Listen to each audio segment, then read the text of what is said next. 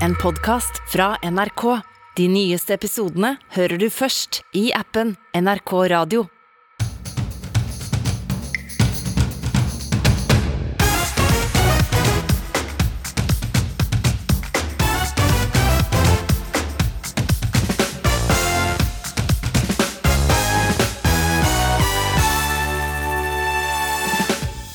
Beredskap, beredskap, beredskap.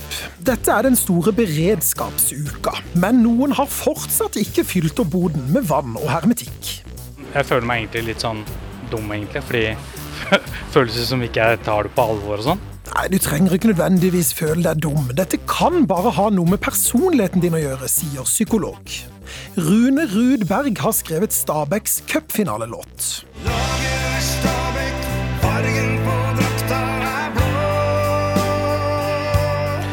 Men kan dette hjelpe Stabæk med å vinne mot Brann i dag? Rudberg selv møter Brann-entusiast Trude Drevland til fanduell. Å være ensom er faktisk livsfarlig, men ensomhet kan kureres. Vi gjør et forsøk i ukeslutt i dag.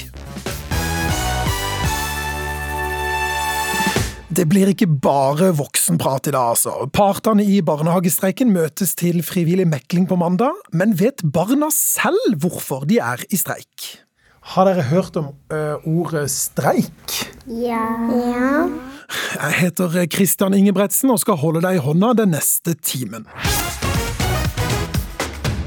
Beredskap må være et av ukas mest brukte ord. Både fordi Forsvaret nå øker sin beredskap som følge av sikkerhetssituasjonen i Europa, men også fordi hjemmeberedskap, altså hva myndighetene mener du bør ha hjemme hvis en krise oppstår, er noe det mases om oftere enn før. Og det er visst de yngste som er dårligst forberedt, viser undersøkelser. Eh, Næringsminister Jan Christian Vestre, hvor store porsjoner trenger du for å bli mett? ja, det er et godt spørsmål. Vanlig, vil jeg si.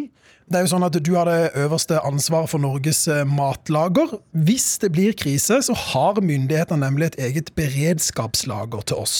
Men det er kun snakk om mat til 30 000 personer i tre dager. Og så er det en plan utover det. altså. Det er bl.a. matvarekjedene skal bistå med å bygge opp et matlager osv. Eh, Vestre, vi hører at færre unge personer har beredskapslager sammenlignet med de eldre. Så er det da de yngste dette matlageret er ment for?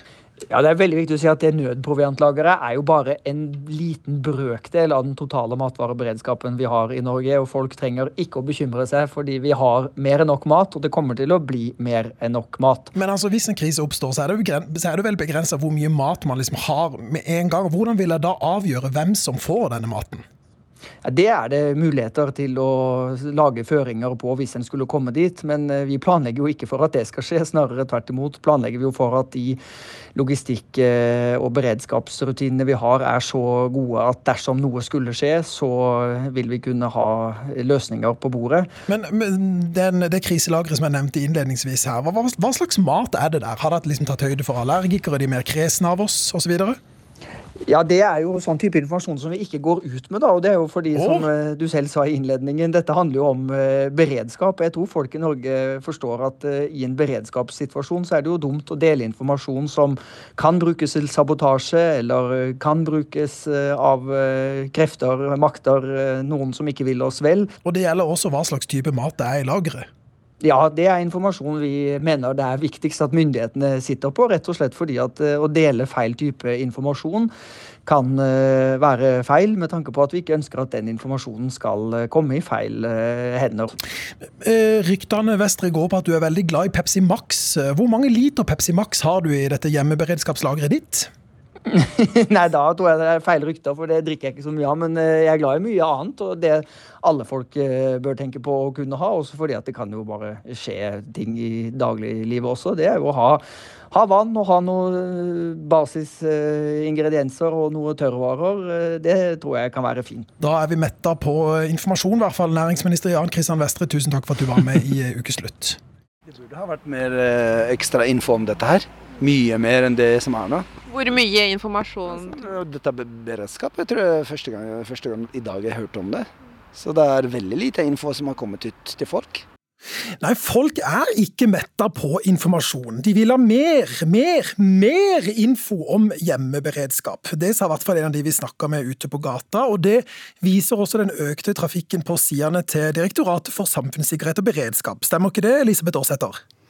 Jo, det stemmer uh, hvert ord du sier. Og det stemmer også at det uh, ikke er bare økt trafikk, men uh, folk leser lenger. Og de leser ganske grundig hva de bør ha hjemme, og så leser de råd om hva skal jeg gjøre hvis noe skulle skje. Så ja. det kan vi både måle, både på antall klikk og tid, også på spørsmål som vi får.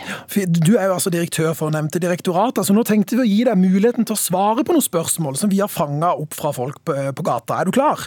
Ja, det må jeg bare være. Da kjører vi første spørsmål. Jeg tenker litt på dette med, med, Hvis vi skal lagre vann, eh, så lurte jeg på hvor, hvordan lagrer man det best mulig? Hva, hva lagrer man det i, og, og hvor lenge tåler det å stå? Ja, Aarsæter? Ja.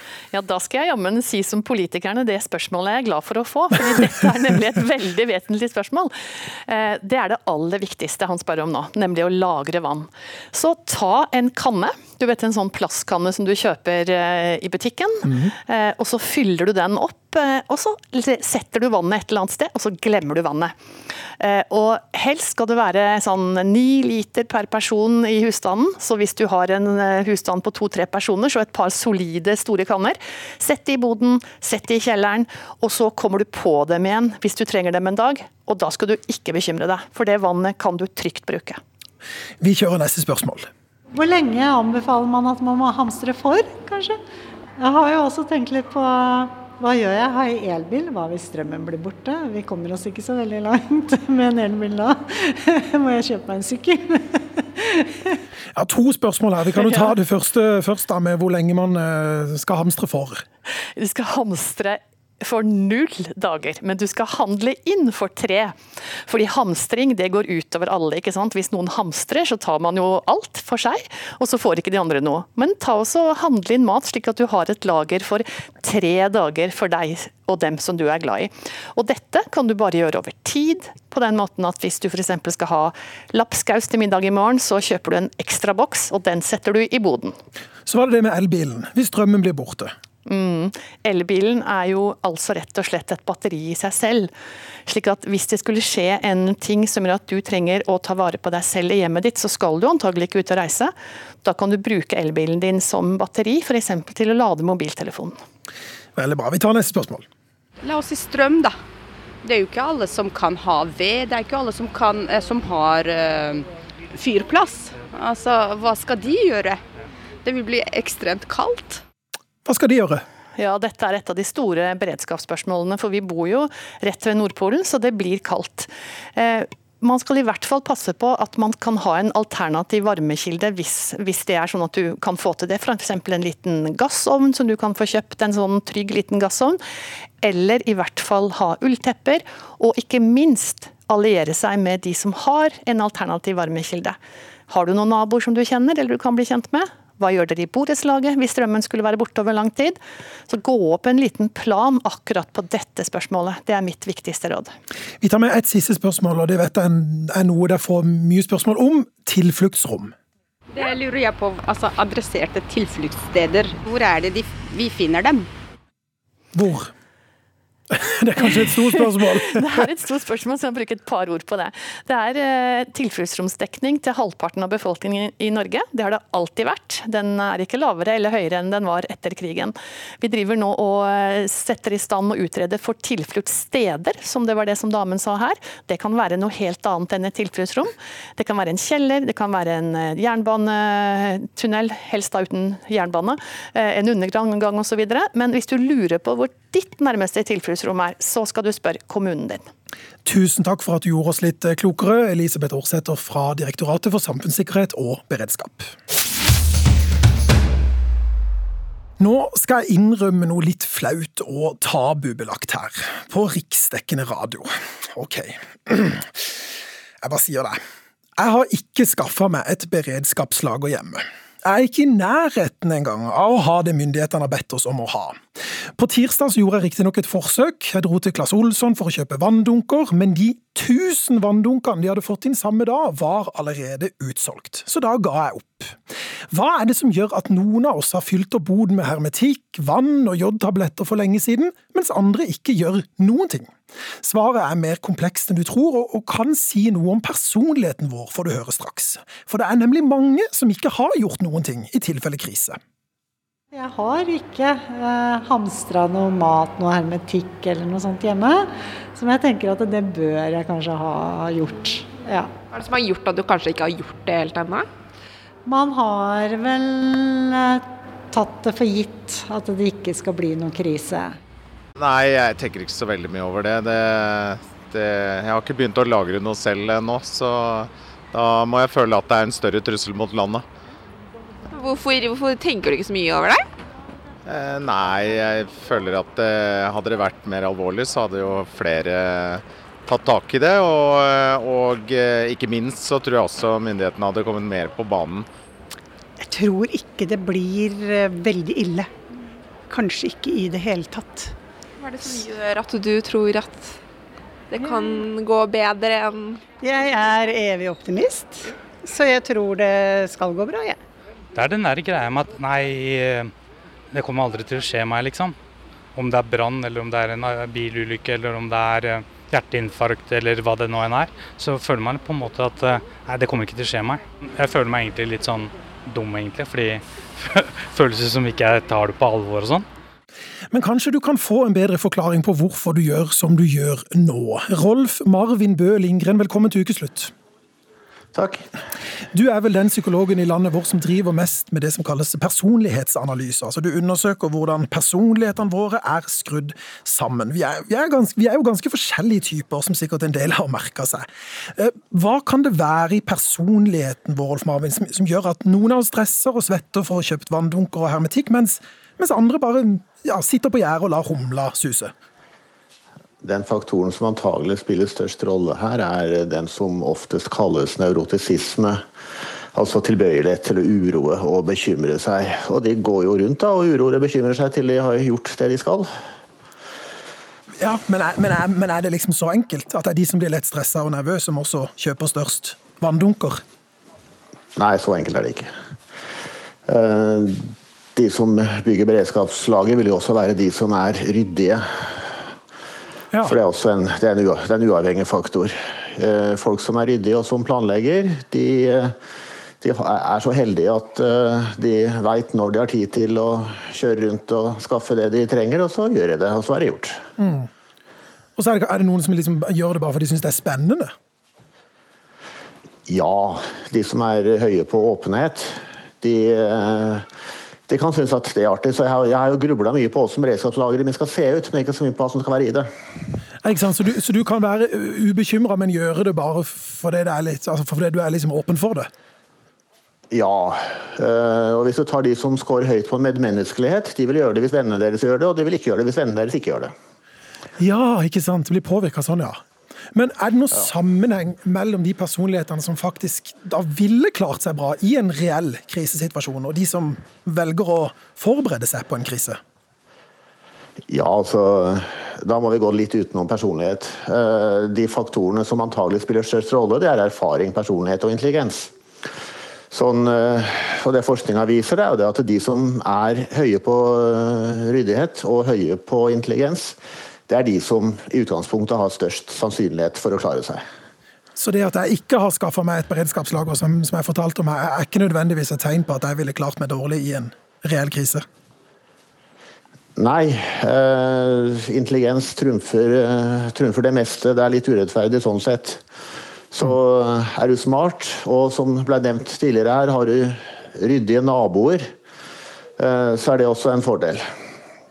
Så I et forsøk på å oppsummere litt her, eh, Bøllingren. altså Han som vi hørte innledningsvis, eh, som ikke hadde fylt opp kriselageret sitt og følte seg litt dum. I hvor stor grad kan han da skylde på sin egen personlighet? Jeg, han hørtes ikke så gammel ut, så jeg tror uh, erfaring er vel sannsynligvis en viktigere faktor enn personlighet. Men han kan nok skylde litt på personligheten sin også. Det er ingen grunn til å tro at han er dum sånn uten videre. Det var godt å høre. Og tusen takk til deg, og eh, ikke minst din unike personlighet, Rolf Marvin Bø Lindgren. Hvilken kommentar har du fått om egen kropp som du aldri kommer til å glemme? Etter å ha fått beskjed om at hun så skral ut, tok Jannike Widen til Instagram for å be oss tenke oss litt om når vi kommenterer kroppene til hverandre. Reporter Marte Kaasa Arntzen dro ut blant folk for å jakte på ordene som brant seg fast. Jeg gikk forbi Bislett, så kom en dame forbi, så sa hun den svarte n-ordet. Gå tilbake til landet ditt. Hva svarte du da? Eh, Jeg, jeg sa bare, Det er ikke snilt å si, ikke sant? Det var en kommentar jeg fikk når jeg var yngre, som jeg husker på. Og det var ei som ikke ville danse med meg i gymtimer fordi at hun syntes at jeg var for tynn. Det var en veldig sånn dårlig følelse. Det ødela dagen min, for å si det sånn. Eh, Jeg har fått mange kommentarer på at jeg er for høy eh, for veldig mange. Eh, Sjiraff ble jeg kalt, skal man vel si. Det gjør meg usikker på høyden. Det gjør det. Det er den ene kommentaren som handler om hvordan du ser ut. Den er kanskje uskyldig ment, men den gjorde at du plutselig begynte å hate de helt vanlige låra dine. Eller at du skammer deg hver gang du har lyst på mer mat. Eller, som i Jannicke Widens tilfelle, fikk deg til å bli både sint og redd. Hun har invitert meg hjem til leiligheten sin i Oslo. Hei. Hallo. Marte heter jeg forresten. Kaspian. Hei, Kaspian. Mamma er her inne. Mamma, Ja. du har intervju! Jeg eh, raste ned noen kilo i vekt i forbindelse med litt mye trøkk i samliv. og så hadde jeg ikke sett et vennepar på en stund, og jeg begynte å føle meg bedre. Eh, og så kom de på besøk, og så eh, De to satt liksom og spilte pingpong i sofaen om eh, at jeg måtte spise mer, om eh, hvor tynn jeg så ut, og eh, at jeg så skrall ut. Den kommentaren førte til at jeg gikk rett i kjelleren. It's bad bitch o'clock, yeah, it's thick 30. Jannicke Widen sliter med helseangst, og det å bli fortalt at hun så skral ut, satte i gang en ganske vond periode. Psykolog Eva Tryti sier at den enkle, lille, uskyldige i hermetegn-kommentaren sjelden er nettopp det. Det som er corny, er at én en enkelt kommentar kan være en ves, et vesentlig bidrag til å utvikle spiseforstyrrelser senere. Dette har vi visst lenge, altså, når man har jobbet med spiseforstyrrelser. Og jeg, for eksempel så har jeg møtt noen som har fått en enkelt kommentar seksuelt. Å, du har veldig myke hofter mens de hadde sex. Og som nesten ikke har orket å ha sex siden med noen partner. Altså, særlig jenter og kvinner er utsatt, men, men det skal lite til. Og du kan ikke vite hva som er skummelt. Så bare venn deg til ikke å kommentere på det. God, I wish somebody would have told me when I Tryti har skrevet bok om at veien til lykke kanskje kan gå gjennom selvforglemmelse. Men det er jo ikke så lett å glemme seg selv når alle andre er så innmari opptatt av å påpeke hvordan du ser ut. Når jeg var lita, så erta de meg for at jeg har skrå øyne, at jeg var kineser. Og så torde jeg ikke spørre mamma og pappa om at jeg var kineser, for jeg tenkte jo kanskje jeg er adoptert. Så jeg bare, det veldig lenge med meg sånn her, det var så ekkelt var det. Men jeg er jo av samisk eh, at eh, man har jo gjerne skrå øyne når man er same. Men det gjorde meg faktisk veldig mye en stund. En dame med blå strikkegenser og briller forteller meg dette. Jeg møter henne inne på Oslo S under den store tavla. Og der treffer jeg også kroppsaktivist Karina Karlsen, kvinnen bak Instagram-kontoen Fet, men fattet. Og hun deler også kommentarene hun aldri glemmer. Det var eh, en av liksom de kuleste gutta i klassen som sa til meg at du Karina, kunne fått hvem du ville, du hadde ikke vært så jævla feit. Og kommentarer som det da at uh, det er pent å være så tjukk. Dette er jo da ja, 20 år siden. uh, så det er jo mye verre nå i dag. Em, men for meg så satte de jo i gang en ganske heftig spiseforstyrrelse som nå har vært med meg i da 20 år, da. I love me. I love me. Jannicke Widen, psykolog Eva Tryti og Karina Karlsen de er helt enige. Jeg hadde ikke kommentert venner verken opp eller ned så lenge det ikke ble på en måte um, invitert til å ha en samtale om det. Hvis du har det med å sammenligne kroppen din med andre, så liksom skanne andre kropper i forbifarten. Begynn å se folk i ansiktet, da. Sånn som man gjorde før. Hvem er det jeg møter her, ikke sant? Og si komplimenter som heller går på personlighet, eller så godt det er å se deg. Jeg blir så glad når jeg treffer deg. Du ser, så, du ser ut som du har det skikkelig bra. Altså den type ting. Istedenfor Nei, gud a meg, så tynn og fin du har blitt. Men jeg syns allikevel at det er han gutten helt i begynnelsen av denne historien. Han som ble kalt N-ordet av ei tilfeldig dame på gata, som sier det aller best. Alle sammen er fine i sin egen måte. Må du være transkvinne for å spille transkvinne? Må du være rullestolbruker for å spille en karakter som sitter i rullestol? Den norske TV-serien Nede har i hvert fall blitt kritisert for å velge en skuespiller som ikke sitter i rullestol, til å spille karakteren Fanny, som sitter i rullestol. Eh, ja. Jeg skulle ta noen øl med Kurt. Og etterpå så skulle Kurt sykle hjem, og det var da dere ble påkjørt. Og Kurt døde, og du havna i rullestol. Ja, det var fra Nede, men det er flere eksempler. Filmen The Whale har allerede fått kritikk før den har kommet på kino, for å velge en skuespiller som ikke er overvektig nok til å spille overvektig. Og skaperen av TV-serien It's a Sin, som handler om aids-epidemien, har sagt at han vil gå til krig for at bare homofile skuespillere skal få spille homofile karakterer. Kulturkommentator Inger Merete Hobbelstad, du spiller deg selv her i dag. Eh, Bør en som sitter i rullestol spilles av en skuespiller som opprinnelig sitter i rullestol?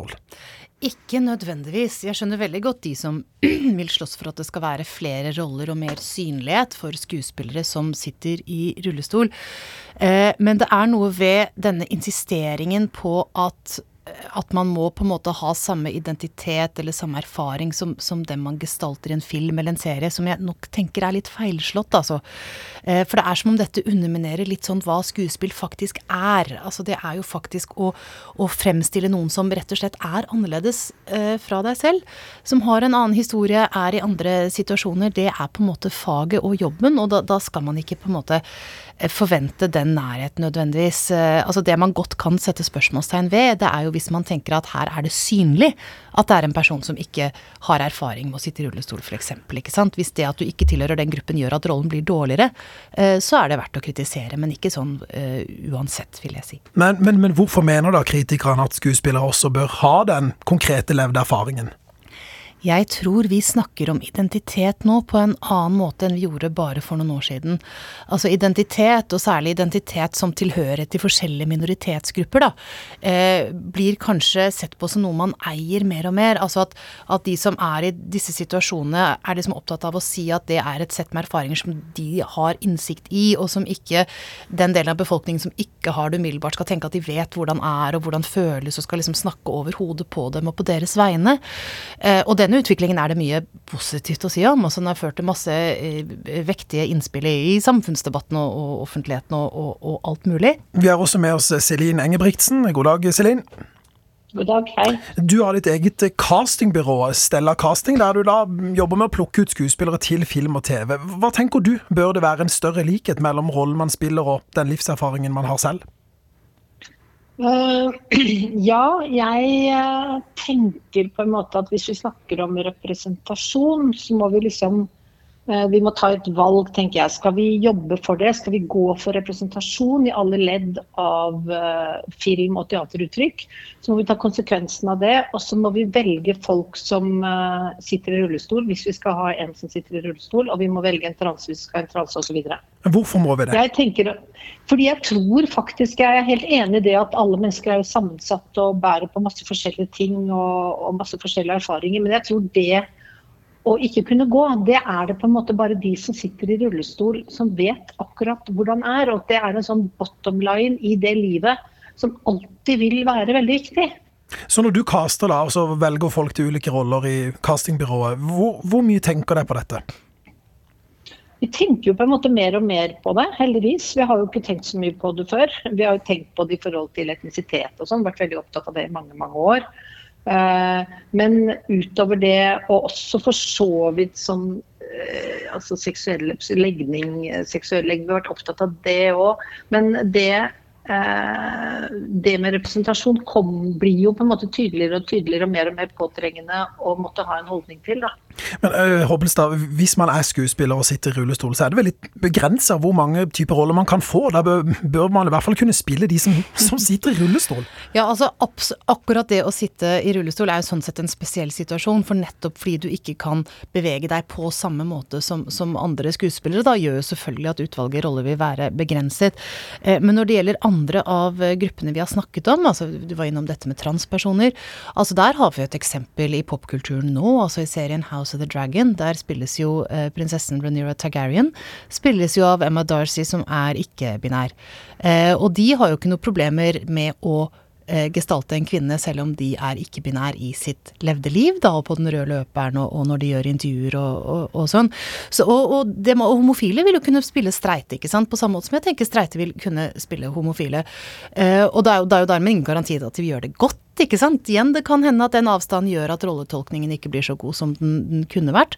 Eh, men da er det kanskje fordi det skorter litt på om det er eh, talent eller empati eller rekkevidde eller, eller, kanskje disse tingene da, som gjør at det ikke fungerer optimalt. Jeg tenkte vi skulle prøve å være litt sånn løsningsorienterte på slutten her. Eh, Engebrigtsen, altså, nå gjør jo du ditt med ditt castingbyrå, men hva, hva, tror du, hva, tror du, er den beste løsningen på dette, sånn at alle kan bli fornøyd? Um, det var kanskje vanskelig å si noe tydelig om det, men det jeg tenker Jeg tror at uh, vi må ta høyde for at det er en ny tid i, i gjerdet, på en måte. At, det er, at de fleste som jobber med film og teater, tenker annerledes er nødt til tvunget til å tenke annerledes på representasjon. Det betyr at vi trenger tid til det arbeidet, og tid er penger. Så det betyr at det må, hvis vi vil, hvis vi vil at alle deler av den norske befolkningen skal avspeiles på film og teater, da må vi faktisk ta det helt på alvor. Og så må vi bruke den tiden og de pengene det koster å gå inn i det arbeidet. Hobbelstad? Altså Jeg er jo helt enig i dette, men jeg tenker ikke nødvendigvis at det betyr at skuespillere må spille roller som ligger nær dem. Dette kan jo like gjerne bety at man får flere roller som er rullestolbrukere eller har forskjellige eh, synlig minoritetsbakgrunn. da. Og det er jeg selvfølgelig for, for det er fremdeles slik at den typiske ansiktet på filmplakater, kanskje særlig store internasjonale produksjoner, er en hvit mann. Så et større mangfold i roller er en veldig god ting. Og så kommer diskusjonen om hvem som passer best til å fylle dem. Her kommer vi litt nærmere en, en slags løsning, så alle kan bli fornøyde. Mm, Inger Merete Hobbelstad og eh, Celine Engebrigtsen, tusen takk for at dere var med for å prate om dette. Å være ensom er farligere for helsa di enn å røyke 15 sigaretter om dagen. Over 70% av norske ungdommer sier at de ofte eller av og til er ensomme, viser en undersøkelse fra Røde Kors. Den britiske økonomen Norena Hertz kaller det en global ensomhetskrise. Varit Mbaruk har laga musikk av opplevelsen hans med ensomhet, under artistnavnet Salti. Hør på dette. Like, oh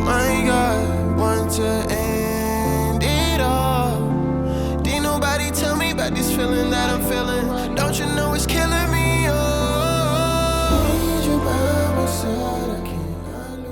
Varit Mbaruk, velkommen til ukeslutt. Hei, takk skal du ha.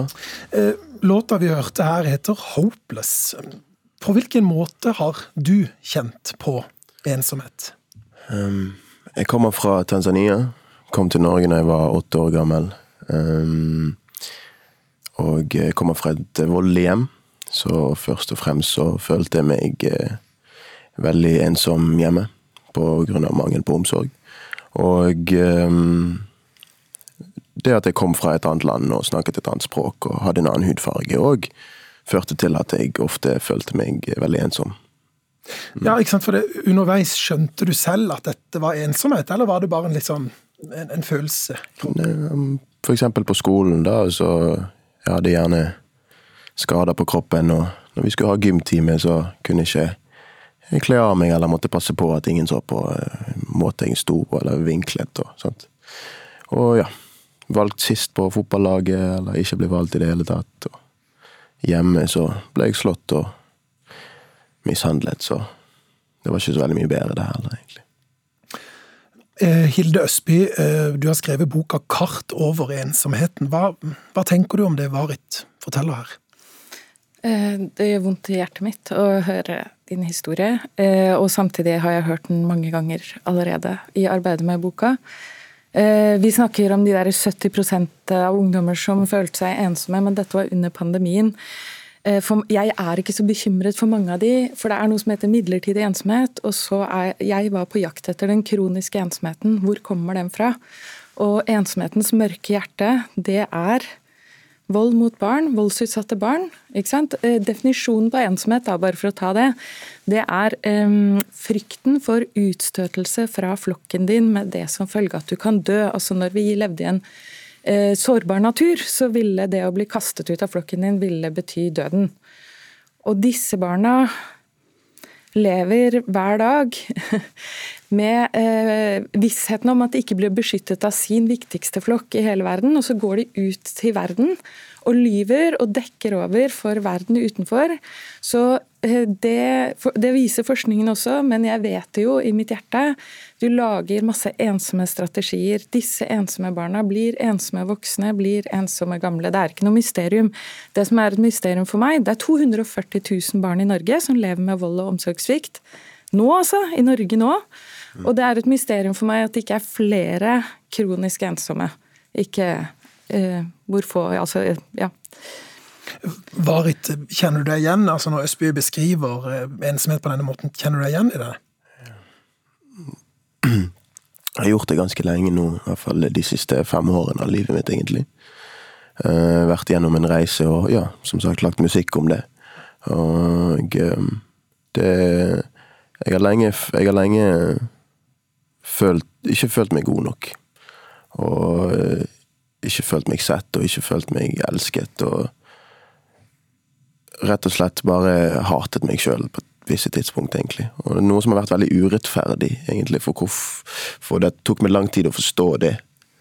Eh, at uh, hvor det kom fra, hva, hva, det stammet av, og det var bare Det har vært en lang reise, rett og slett. Alt det du sier om å være som fortapt og hjelpeløs. Mm. Eh, det er følelser jeg kjenner godt igjen. Det er det jeg prøver å finne ut av i denne boka også. Mm. Så vi har vært på egentlig den samme reisen samtidig. Mm. Det er veldig rart å tenke på. Jeg, mm. jeg, tenker at du er min bror på mange måter. Ja, men det, jeg kan kjenne det, kjenne det når vi snakker sammen og hadde den samtalen ute i gangen òg, at det um, Jeg har laget dette prosjektet både for min egen del, men òg det å på en måte få skape um, bevissthet, da. Og det, det, det er greit å være sårbar. Det er noe av det vakreste vi, vi som mennesker har, føler jeg.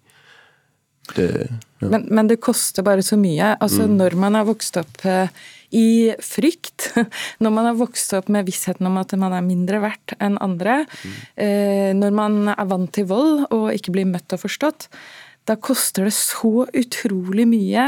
Eh, for meg er det et kontinuerlig arbeid å bare åpne hjertet og tåle det. Tåle å møte andre med et åpent hjerte. Det er skikkelig skummelt, men det er den eneste veien ut av ensomheten. da. Virkelig. Varit, nå reiser du rundt på skoler og, og spiller musikken din og forteller om uh, oppveksten din i samarbeid med SOS Barnebyer. Hvordan tar barna imot uh, historien din? Jeg var, jeg, var, nå nylig på en skole som heter Nordbytun i Ås, tror jeg det ligger. Og eh, dette var en skole som hadde slitt litt med utfordringer blant ungdommene, og hadde hatt eh, mange med, med, med vanskelig bakgrunn. Mm. Eh, og jeg ble veldig veldig overrasket, for jeg hadde vært på en videregående skole, men dette var en ungdomsskole. Og det tok litt tid, men jeg ville bare gjøre det om til en samtale. At det var bare meg som snakket med disse ungdommene som om jeg skulle møtt de ute på gaten og blitt venner med de. Og um, det kom veldig mange spør gode spørsmål, og de var veldig nysgjerrige på min historie og ville vite detaljer og, og ble investert. Men så var det òg de det traff, som gjerne ikke klarte å høre på, eller ikke klarte å motta det helt, fordi at de ikke man kunne se reaksjoner der, på en måte. Og det var, det, det var, der jeg følte ok, nå har vi funnet ut, funnet ut, av noe, nå har vi truffet her. Så la oss sørge for at denne personen, eller denne ungdommen her, blir tatt vare på nå, og vi, nå har vi fått et signal. Mm. Følte jeg, nesten. sant? Østby, til slutt her, hvis noen av de som lytter eh, på Ukeslutt nå, føler på ensomhet, føler seg ensomme, hva, hva bør de gjøre? Ja, altså Veldig mange eh, vil jo prøve å flykte fra ensomheten og den ekstreme smerten det innebærer eh, ved rus eller spiseforstyrrelser. Jeg har levd med spiseforstyrrelse nesten hele livet. Det er egentlig ikke noen annen vei ut av ensomhet enn å bryte skammen og snakke med andre. Altså Skammen er en motorvei inn i ensomhet. Og så har jeg funnet ut, fordi jeg har snakket mye for folk som jobber som frivillige, at det å jobbe frivillig, det er eh, instant mening. Og så å gjøre sånn som Varit gjør. Gi til andre. Det er jo det jeg også prøver. Gi til andre. Det er veien ut. da. Lage fellesskap. Gode fellesskap. Skape det man ikke hadde og fikk sjøl. Ja, akkurat. Mm. Mm. Takk til deg, Hilde Østby, og tusen takk for at du delte historien din med oss, eh, Varit eh, Baruk. 2400. Ja, Det er ca. antallet barnehageansatte som nå er i streik. Over 200 private barnehager rundt om i landet er helt eller delvis stengt fordi de ansatte streiker for bedre pensjon. Og som vi hørte i nyhetene, på mandag møtes partene i konflikten til frivillig mekling etter tre uker med streik. Vi føler oss lurt, sier streikeleder for barnehagearbeiderne i Oslo, Berit Tevik. Medlemmene er kjempeforbanna. De føler seg lurt av PBL. De føler at PBL ikke unner de en verdig alderdom eller pensjonsalder med å ikke godta våre krav. Ja, når hun sier PBL, så er det en forkortelse for, for Private barnehagers landsforbund, som, er, som da er arbeidsgiverorganisasjonen. Marius Iversen i PBL er jo ikke enig i at de har lurt noen. Det er ikke riktig at PBL har brutt løfter. Vi har også publisert disse protokollene som det vises til, og folk kan gå inn og lese sjøl hva som står. Sånn. Det var de voksne. Men hva med alle barna? Som ikke får gått i barnehagen og lekt med vennene sine. Hva syns barna selv om denne streiketilværelsen? Vet de selv hvorfor de må være hjemme, for eksempel? Jeg tok en prat med tre barn, Fiona, Ellie og Andrea, som nå kun får gå i barnehage noen få dager innimellom pga. streiken. Og jeg begynte med å spørre de om det mest åpenbare. Har dere hørt om ø, ordet streik? Ja. ja. Ja. Hva, hva, hva er det? At man stopper å jobbe. At man stopper å jobbe, ja. Ja, det er jo riktig. Hvorfor stopper man å jobbe da, tror du? Fordi man ikke får nok penger. Ja. Er det gøyest å være hjemme eller være i barnehagen? Hjemme. Hjemme. Ja, nå... Jeg kan sove så lenge jeg vil. Og jeg hater at folk vekker meg. Å, ja, ikke sant. Men Å ja, nå går du litt sånn sint rundt her, ja. Mm. Når, dere, når dere får beskjed om at de ikke skal i barnehagen, hva tenker du da? Blir du glad? Ja! Jeg, jeg elsker å ikke være i barnehagen. Men er det ikke litt gøy å være i barnehagen sammen med venner og tulle og tøyse og leke og Ja, men det, men det er bedre å være hjemme, sin sier. Men tenk hvis jeg skulle vært hjemme hele tiden, da. Hva, hvordan syns du det hadde vært? Da, da hadde vi eh, likt det først, men pappaen min har sagt hele tida Hvis du gjør det hele tida, så blir du så lei av deg.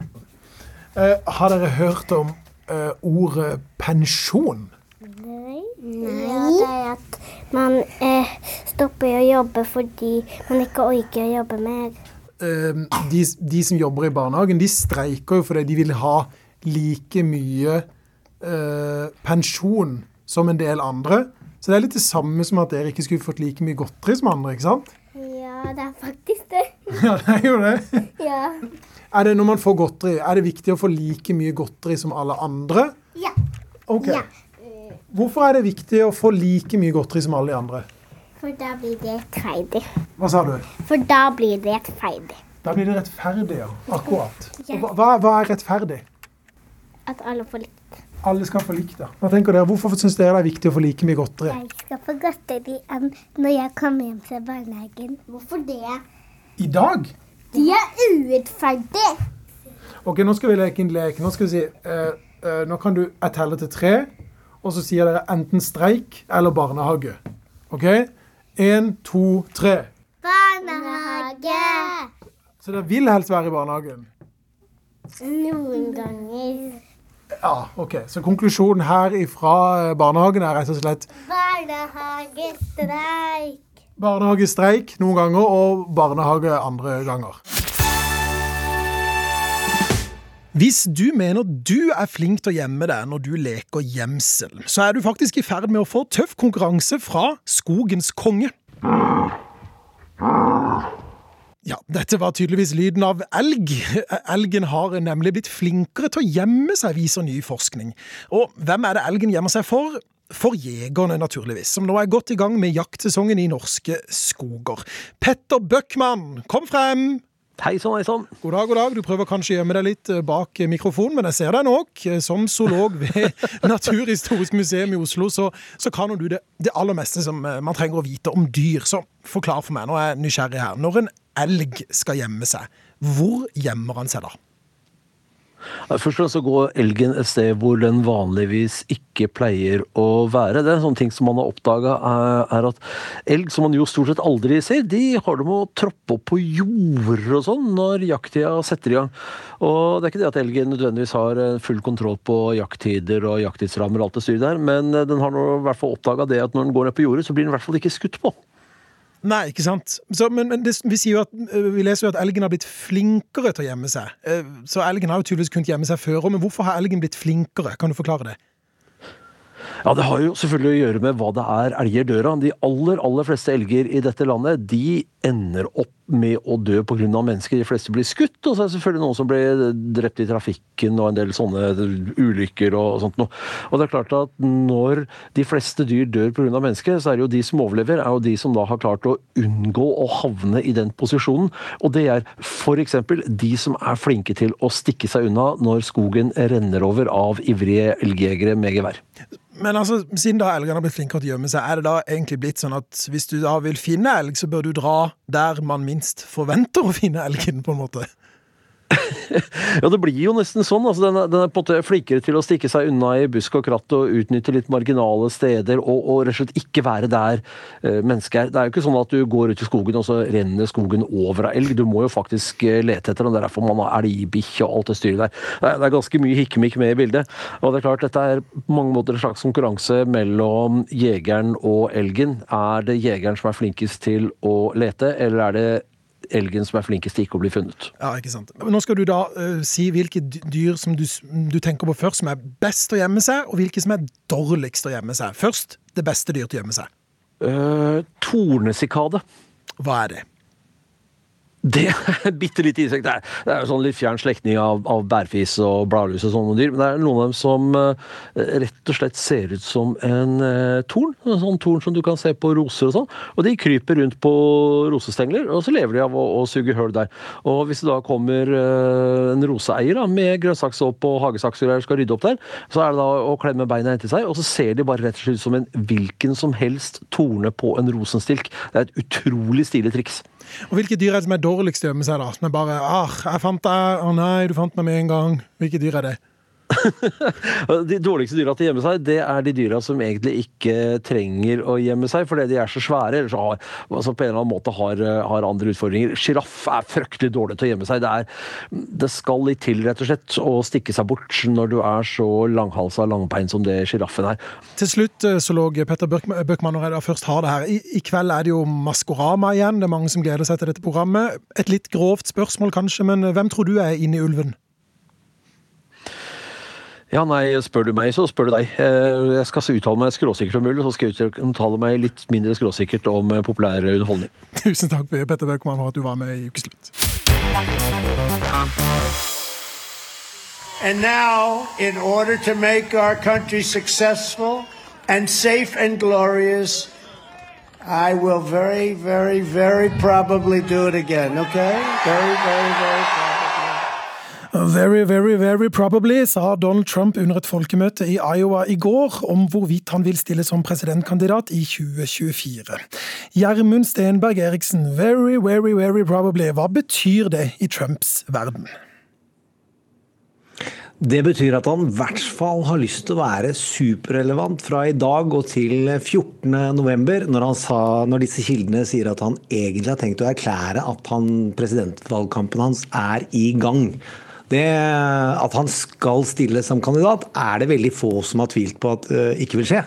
Fordi det er jo noe av det viktigste Donald vet, er jo oppmerksomhet og penger. Og han har aldri fått så mye av det som når han har vært president og når han har stilt som kandidat. Og i tillegg så har han jo vært en stor taper ved foregående valg, og det lever han veldig dårlig med. For å introdusere deg litt, Stenberg Eriksen, du er bl.a. USA-nerd og mannen bak den tidligere podkasten Trump mot verden. Dette vet du jo selv, men nå har jeg da minnet lytterne om det òg. Hvis Trump stiller som presidentkandidat, tror du han blir valgt? Han blir helt sikkert valgt i sitt eget parti, og det er jo den viktigste effekten han har fram til 15.11. i 2024. For det vil han tjene veldig mye penger på. Og så er det mange som tror at han er den beste kandidaten for det republikanske partiet dersom du er demokrat. Fordi det er størst sjanse for at han taper. Det betyr ikke at han taper, men det har jo vist seg tidligere at han mobiliserer utrolig mange på sin egen side. Bare litt flere på den andre. Men altså, før vi så da får... ja, han stiller, men han er ikke sikkert han vinner. Ikke sant? Men før vi, før vi, får vite sikkert om han da stiller da, som presidentkandidat, så er det da mellomvalg i USA. På tirsdag skal amerikanerne gå til valg. Eh, USA-korrespondent Tove Bjørgaas med oss fra Georgia. Hvorfor er mellomvalget viktig for Donald Trump? Det er kjempeviktig for Donald Trump, fordi hvis republikanerne vinner dette valget på tirsdag, så kommer all etterforskning av Trump til å stanse. Og eh, Gjermund var inne på eh, datoen eh, 14.11. Det er den datoen hvor demokratene har innkalt Trump til eh, avhør i Kongressen. Og dersom republikanerne klarer å overta flertallet i, dette valget på tirsdag, så vil i hvert fall ganske snart all etterforskning av Trump stanse, og da vil banen være klar for ham. I tillegg så vil han jo ha fått opplevd det som en seier. altså Partiet vil mene at han har hjulpet dem med å, å vinne valget på tirsdag. Og siden du nevnte mellomvalget her, så når jeg først har det her, Tove, kan ikke du hjelpe oss litt? Forklare kort. Hva er et mellomvalg? Det er et valg som ikke, der det ikke velges president i USA. Det er et valg der man bare velger representanter til Kongressen. Alle representantene i det som heter Representantenes hus, som er liksom underhuset i Kongressen, er på valg. Og en tredel av de som sitter i Senatet, som er et slags overhus. Og så velger man også lokalpolitikere over hele landet, altså guvernører f.eks., som skal bestemme da i delstatene, som er en slags presidenter i delstatene. Så dette er veldig, veldig viktig for hvordan politikken i USA gjennomføres. Akkurat nå har demokratene flertallet i Kongressen. Det kan de miste på tirsdag, og da vil det bli veldig vanskelig for Joe Biden å gjennomføre sin politikk. Ja, ikke sant? Så Kongressen er litt det samme som Stortinget her i Norge, er det riktig? Ja. ja. Mm. Vi nordmenn er jo vant til å følge de store mediene og ta valgomater osv. Før, før vi skal gå til stemmeurnene. Hva, hva gjør amerikanerne? Ja, de gjør også det, men det som har skjedd nå er at veldig mange vil ikke være med på meningsmålinger. Fordi de stoler ikke på de som gjennomfører meningsmålingene. Og akkurat nå så er det jo en enorm tillitskrise i dette landet. Folk lever i en slags parallelle virkeligheter. De stoler ikke på de samme mediene. Og derfor er det også vanskeligere å stole på de meningsmålingene som, som kommer. Og, og, veldig mange sier bare at de får nyhetene sine fra internett når de spør hvilke medier de, de stoler på. Stenberg Eriksen til slutt. Vi har jo også hørt mye om Twitter den siste tida, etter at Elon Musk tok over den sjappa der. Det er jo en plattform som Trump var glad i før han ble kasta ut. Tror du Trump vil komme tilbake på Twitter nå som Elon Musk er ny eier? Jeg frykter det, og jeg frykter det noe veldig. Fordi Musk har ikke verdens lengste syn i de politiske effektene, eller de medieeffektene som det representerer, og slipper Trump tilbake. Ikke for at han når sine egne velgere, men han når ut til de som ikke hører han så ofte, ved å få journalister til å reprodusere og lage de konfliktene som han lever av. Han lever av et underholdningsshow som Twitter ikke klarer å la være å gi han. Så jeg frykter det verste, og det er vel det vi gjør for dette mellomvalget og det neste. Ja, dette ble jo en samtale som tilsvarer en del mer enn 240 tegn, som nå er lov på Twitter. Inntil videre, i hvert fall. Men såpass trengte vi, føler jeg. Tusen takk for USA-praten, Gjermund Stenberg Eriksen og Tove Bjørgaas. I dag klokken 16, altså om ja, to og en halv time, så er det duka for fotballfest på Ullevål stadion. Norges beste fotballjenter skal i aksjon og kjempe om cupgull. Slaget står mellom Brann og Stabæk. Og landets kanskje mest kjente Brann-supporter, Erna Solberg, har sendt en hilsen til jentene i rødt.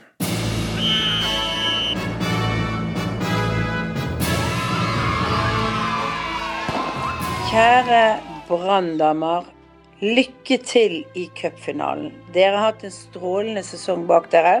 Dere har gledet alle oss som heier på dere. Dere har gjort Bergen stolte. Så lykke til.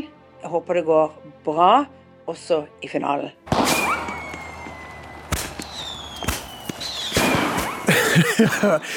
Episk. Og Brann har jo sagt de skal fyre opp noe fyrverkeri hvis de vinner. Eh, om det går bra eller ikke, da, som eh, Solberg håper på Branns vegne, det skal du få ca. ett minutt nå på å synse litt om. Sportskommentator Jan Petter Saltvedt. Klokka går. Hvem vinner i dag? Stabæk eller Brann?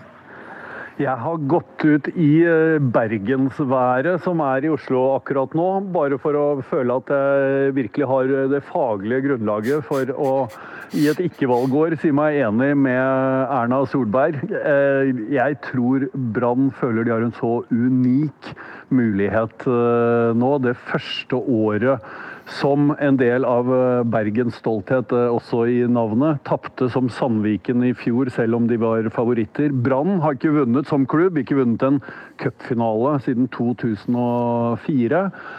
Og så er det dette med været. Alt tilsier at det faktisk skal bli Brann, med det lille forbehold. Jeg har ikke hørt cupfinalesangen til Stabæk ennå. Ja, det kommer vi til snart. Kos deg i været. Men vi hørte jo Erna Solberg da, som heier på Brann i dag. Men en annen Brann-fan, det er deg, Trude Drevland, tidligere ordfører i byen. Hvordan har du det nå, få timer før avspark? Jeg har det utrolig nervøst og er rimelig stressa. Aller mest fordi at jeg ikke kan sitte på stadion og hyle, sånn som jeg gjorde i fjor.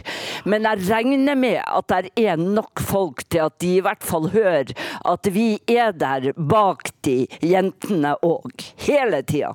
Sitter du liksom med drakt og skjerf hjemme i stua, eller hvordan skal du føle deg her? Jeg kommer til å sitte med drakt og skjerf hjemme i stua, du kan være helt trygg. Det er ingen som kan nekte meg.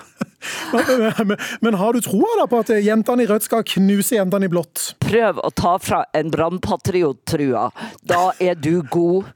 Trua hadde jeg i fjor, ble litt skuffa, de var litt stressa. Men da øvde de seg som Sandviken. Nå er de Brann, og vi har backa de alt vi kunne, både jeg og bataljonen, i hele eh, året. Og dette her, det kommer de til å klare. Vi skal over til den andre sida i denne ja, fan-duellen. Musikk skal bygges ut av glede, bygge, men det kan også bygges ut av ønske om å la favorittlaget vinne. Rune Rudberg, du har skrevet Stabæk sin cupfinalelåt.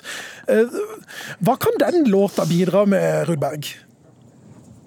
Nei, Den håper jeg bidrar til å fyre opp Stabæk-supporterne, først og fremst, så de lager ordentlig lyd.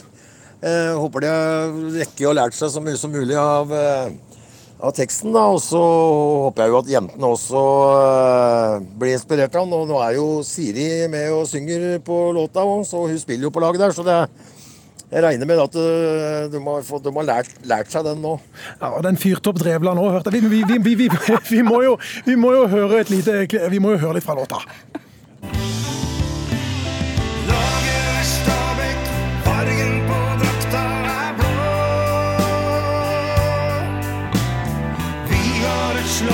Som ingen i verden kan slå. Hvis du ikke veit det, så skjønner du tegninga nå. Ja, låta heter altså 'Heltene våre er blå'. Hva er viktigst for deg, Rudberg? At Stabæk vinner, eller at låta blir en hit og du får masse avspillinger på Spotify? Ja, nei, Akkurat nå så er det viktigst at Stabæk vinner. Jeg er jo, jeg er jo fotballgæren sjøl. Jeg jeg er ikke noen sånn der blodsupporter av noe lag. Jeg følger de norske spillerne litt rundt i verden og, og skifter litt lag når de skifter lag. Men nå er det jo klart at Stabæk fikk jo en, har jo fått en liten ekstra plass i, i bringa. Hvis vi skal ta erte Drevland og bergenserne litt, altså, hvor digg blir det for deg liksom, på, på, en skala fra null til ti hvis dere knuser Brann i dag? Ja, nei, det, er klart, det er klart det blir digg, det. og det er, Jeg tror jo det at Brann fort kan gå på en liten smell. Ja, med Friskt i minnene fra i fjor, når de het Sandviken. Da, da, det gikk jo ikke som de hadde trodd da heller. Og det kan jo ligge litt i bakhuet nå også, at de eh, er litt for sikre eller ditt for store favoritter. Drevland, hva, Så, si- hva sier du til eh, dette, Drevland? Nei, det sier jeg bare at det er mulig Rune Rudberg har greie på damer, men, og kanskje musikk. Men fotball kan han bare legge ned. Dette her, det har du ikke greie på, Rune. Og det kommer til å bli en fest og en fart i rødt. Og det er altså Det hjelper ikke med Rune Rudbergs musikk, for det er ikke den de skal spille etter på banen. Dette er god damefotball. Punktum finale. Og den serverer bra. Ja, dette må du få, dette får gi en kommentar eh, til Rudberg. Ja, ja, hun, hun, hun, hun, er jo nordlending, egentlig, så jeg syns det er godt gjort å bli så klar og bli så brautende uten å snakke bergensk. Men, eh, men eh, vi får Nei, det er klart eh, det er, du, er en bra supporter. Du veit hva du skal si. Jeg er ikke så dreven på dette her som, som, som Drevland. Men, eh, men jeg har trua. Jeg har trua. Jeg er alltid sånn der som heier litt på underdogsa. Og, og når eh, favoritter eh, går på en smell, det, da, da koser jeg meg noe grådig av en eller annen grunn. Bare, Jeg vil gjerne vite liksom, hva er planen deres hvis, hvis laget deres vinner i dag? Begynner med deg, Drevland. Hva hva skal du gjøre da? Altså, Saken er jo den at vi har jo i Bergen nå i 2023 tre damelag i toppserien. Og det blir fest på Festplassen i Bergen i morgen ettermiddag, hvor vi både feirer Branns seier i Norgesmesterskapet og Åsane som går opp i toppserien. Og Arna Bjørnar som allerede er der. Så dere har ingenting å stille opp med. Vi knuser både supporterlivet og fotballbanen og, og støtter jenter. Altså Hvis alle hadde vært så gode som oss, da hadde det blitt virkelig baluba i toppserien for kvinner. Det var et scenario. Hva sier du, Rudberg? Hva, hvordan skal du, er, du, er du ute og spiller på turné? Hvordan skal du feire hvis eh, Stabæk vinner? Eh, Ja, for å si det sånn, eh, jeg, jeg kan jo ikke måle meg med, med, med denne oppildninga som hun driver med der. Jeg, ikke- jeg, jeg har ikke sjans, men, eh, men Men for å si det sånn, det hjelper jo egentlig ikke hvor mange gode lag dere har i Bergen og, og alt dette her sånn, hvis dere ikke vinner. Hvis dere ikke får flest mål, ikke vel?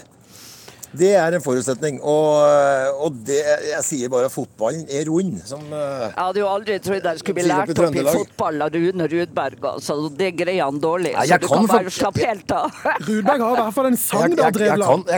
Har, har du noe heiarop, du, jeg- Har du noe eh, Altså, jeg har heiarop som ikke egner seg for radio. Nei, OK. ok. Da, da, da, da får dere ha lykke til med deres lag, begge to, og god kamp og alt det der. ballen er rund. Og... heia Brann!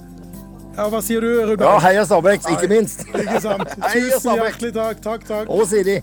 Ukeslutt er over, men uka er jo ikke helt over.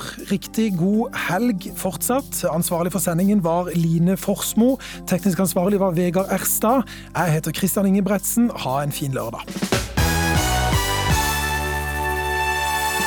Du har hørt en podkast fra NRK. De nyeste episodene hører du først i appen NRK Radio.